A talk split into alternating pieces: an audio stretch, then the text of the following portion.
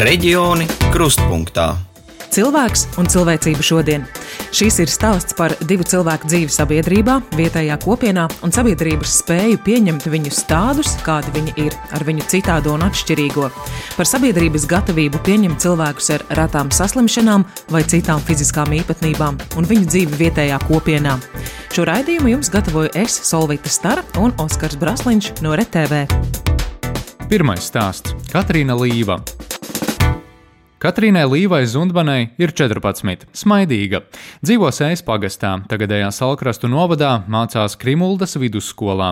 Aizvadītā gada vasarā Katrīnai Līvai konstatēja reto tureta sindromu. Sindroma izpausmes ar nekontrolētiem tikiem, dažādu skaņu veidošanu un sejas šķobīšanu meiteni piemeklēja pēkšņi. Līva, Jā, kurā klasē tu mācījies? 8. B. Krimls vidusskolā. Tie tik ir kā šķaudienas, tu nevar noturēt iekšā tik vienkārši. Huhu! Un man daudz jāpaskaidro cilvēkiem, kur vēl nesaprot, tā kā klasē, ka es to nekontrolēju vispār.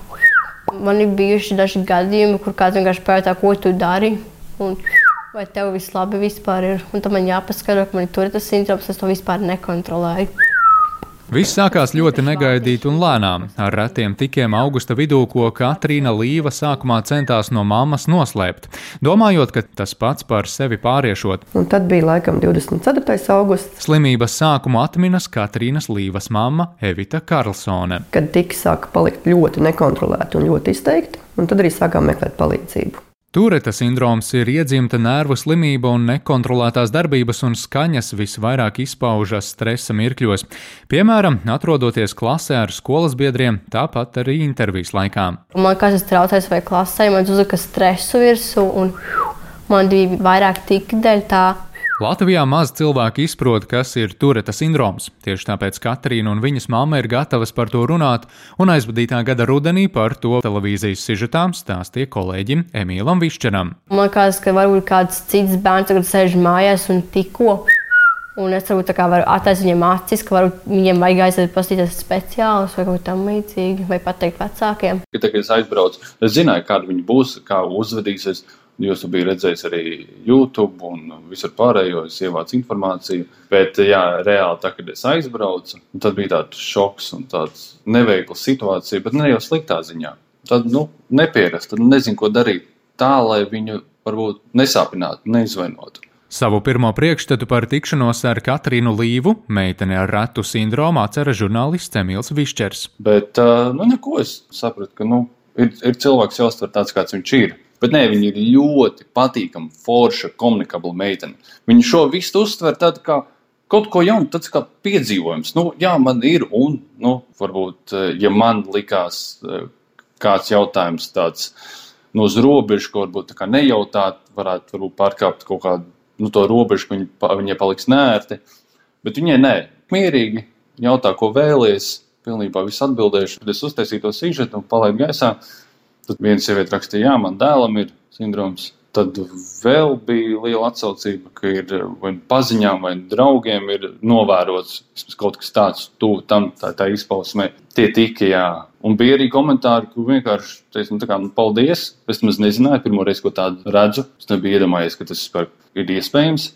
Pēc diagnozes atklāšanas jauniete vēl turpināja iet skolā. Vispirms gan skolotāji klases biedriem izstāstīja par šo saslimšanu un kādas ir tās izpausmes, lai klases biedri nebūtu pārsteigti.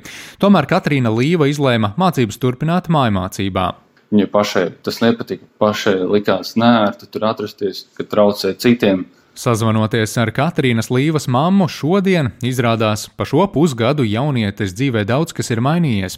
Pirmkārt jau Katrīna Līva ir atgriezusies skolā. Mēs viņu kaut kādā mēģinājām skolu saskaņot, ka viņi mēģinās gan, gan, nu, gan to mājmācību, gan mēģināt iekļauties apakaļ klasē.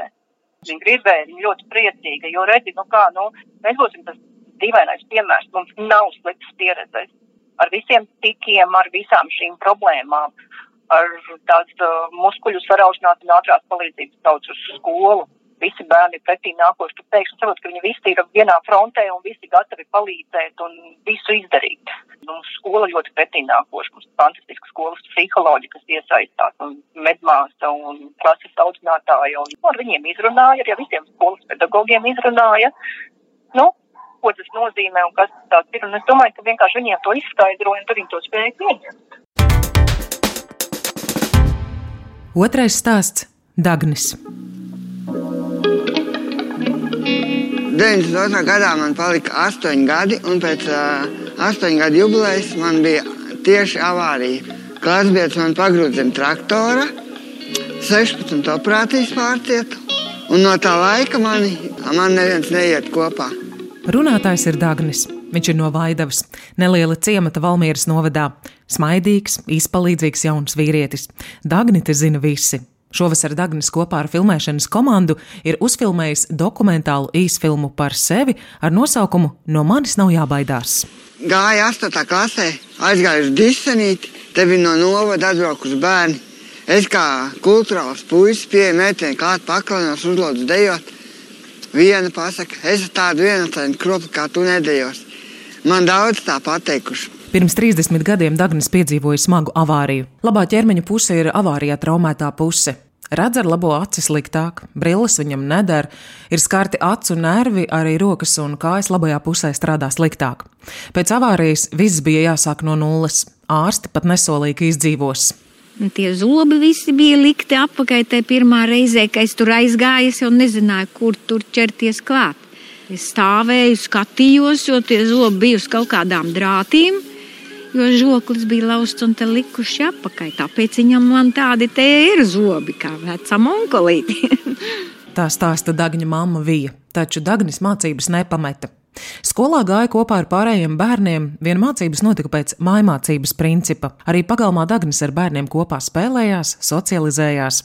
Bet runājot par to, kā apkārtējiem komunicēt ar šādiem cilvēkiem, Dagņa mamma saka, tāpat kā ar visiem pārējiem, nevis kā ar citādiem. No manis nav jābaidās, ir projektā Latvijas kods tapusi Zanes Gargažinas filma, kas stāsta par Dagni un viena Latvijas ciemata Vaidavas dzīvi Dagņa acīm. Turpina filmas idejas autore un scenāriste Laura Slaviņa. Es esmu pirmkārt Dagņa draugs un kaimiņiene. Es kaut kādā ziņā biju šokēta mm, par to, kā sabiedrība Dagni ieliek šajā te invaliditātes kastītē, jo iepazīstot Dagni tuvāk, ir pilnīgi skaidrs, mēs šodien daudz runājam par normālību, un citādo viņš ir normāls. Un, ja mēs viņu beigtu žēlot un nepagrūstu prom no acīm, vairāk iesaistītu, un uh, liktu viņam arī varbūt nedaudz vairāk pastrādāt un pacīnīties, tad uh, viņš būtu līdzvērtīgs sabiedrības loceklis. Nu, viņš var visu, viņš var iesaistīties uh, ciema dzīvē un tā tālāk. Vienkārši jā, dažreiz tas varbūt nav ērti. Ar pašu Dagni mēs tiekamies Vaidavas kultūras centrā, sniegotā ziemas pievakarē, kad tur ieradusies visa filmas radošā komanda un arī pats Dagnis un viņa mamma, lai tiktos ar vaidaviešiem un rādītu filmu. Dagņa lielākais atbalsts un iedvesmotājs filmas operators, kā saka, numur divi. Dagni ar ziediem sveikt ieradušies arī draugi. Es tiešām tevi varu apsveikt ar to, ka paskaties, tas savāds Vaidavā. Tas ir pateicoties tev. Tomēr pats Dārgnis ir lakonisks, savos izteikumos tieši un bez liekvārdības. Mani sauc Dārgnis Malnieks, man ir 37 gadi.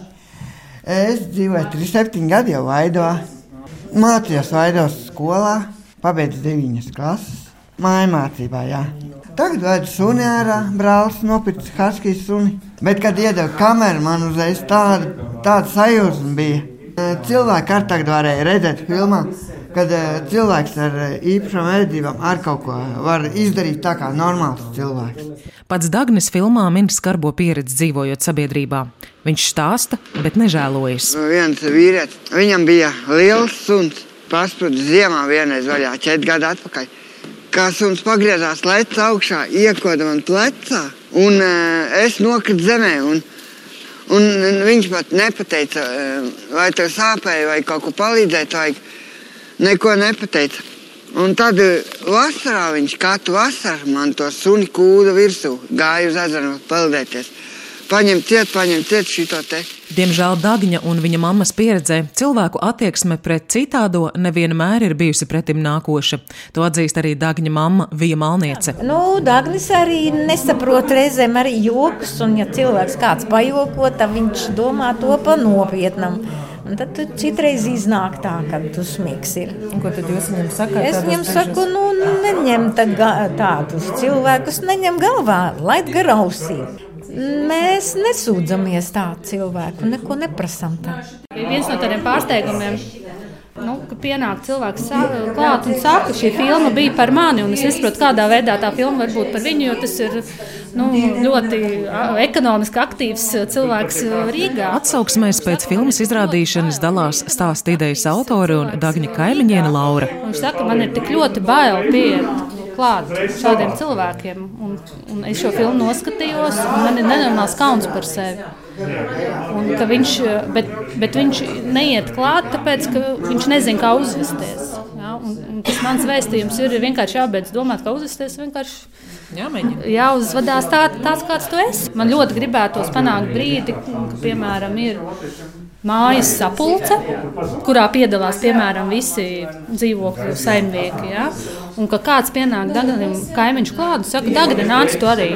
Bet uh, man gribētos panākt to, nu, ka mēs sākam uztvert viņu kā cilvēku ar. Uh, Nu, viena no mums. Viena no mums, jā. Nevis kādu, kuru žēlot, uh, pabīdīt malā un ne jau slikti gribot. Tas jau nav domāts ļauni, bet tas vienkārši ir nē. Andris Saulītis ir sociāla antropologs, arī filmas par Dāngni producents. Viņš atzīst, ka tās arī ir ilgtermiņa sekas. Tas, ka mēs liedzam balsi šādiem cilvēkiem un nereti runājam viņu vietā. Un arī šīs dienas sarunā mēs redzējām, patiesībā, cik Dāngnim ir grūti formulēt viedokli. Un man šķiet, ka tā ir tāda lieta, ka vienkārši man ir aizdomas, ka Dāngnim vienkārši reti, kad vaicā viedokli. Un šādiem cilvēkiem viņa vietā mēdz pieņemt lēmumus. Un tieši lēmumu pieņemšana uh, ir svarīgākais posms tajā visā. Kad šis cilvēks ne tikai tiek iesaistīts, lai apvaicājoties, ko viņš vēlas, bet tieši ļaujot viņam pašam pieņemt lēmumu savā dzīvē un uzturēt viņu kā pieaugušo. Pētījumi liecina, ka jaunākā paudze vieglāk spēj pieņemt cilvēkus ar dažādām diagnozēm. Bērni, kas auguši kopā ar kādu, kuram ir reta vai kroniska slimība, arī pieaugot spēj būt atvērtāki. Tā atzīst arī Labklājības ministrijas sociālās iekļaušanas politikas departamenta direktore Elīna Celmiņa. Vienīgais ceļš ir kļūt atvērtākiem, un atvērtāk mēs varam kļūt tikai iepazīstot, satiekoties, izmācoties, kļūstot vienalga par labākiem klases biedriem, par labākiem kolēģiem, par atvērtākiem kaimiņiem un tā tālāk. Stāsts patiesībā ir ļoti vienkāršs. Un, uh... Sociāla antropologs Andris Saulītis uzsver, ka filmā par Dagni atklātais stāsts nav tikai par Vaidavu un ne tikai par Latviju, bet cilvēku attiecībām. Viņas jau neatšķirās nec ciematā, nec valstīs, jo, jo tā, tā, tās mūsu reakcijas uh, ir, ir gadsimtiem ilgi veidojušās, un, uh, un viņas var mainīt tikai uh, tās apzinoties un pie tām strādājot.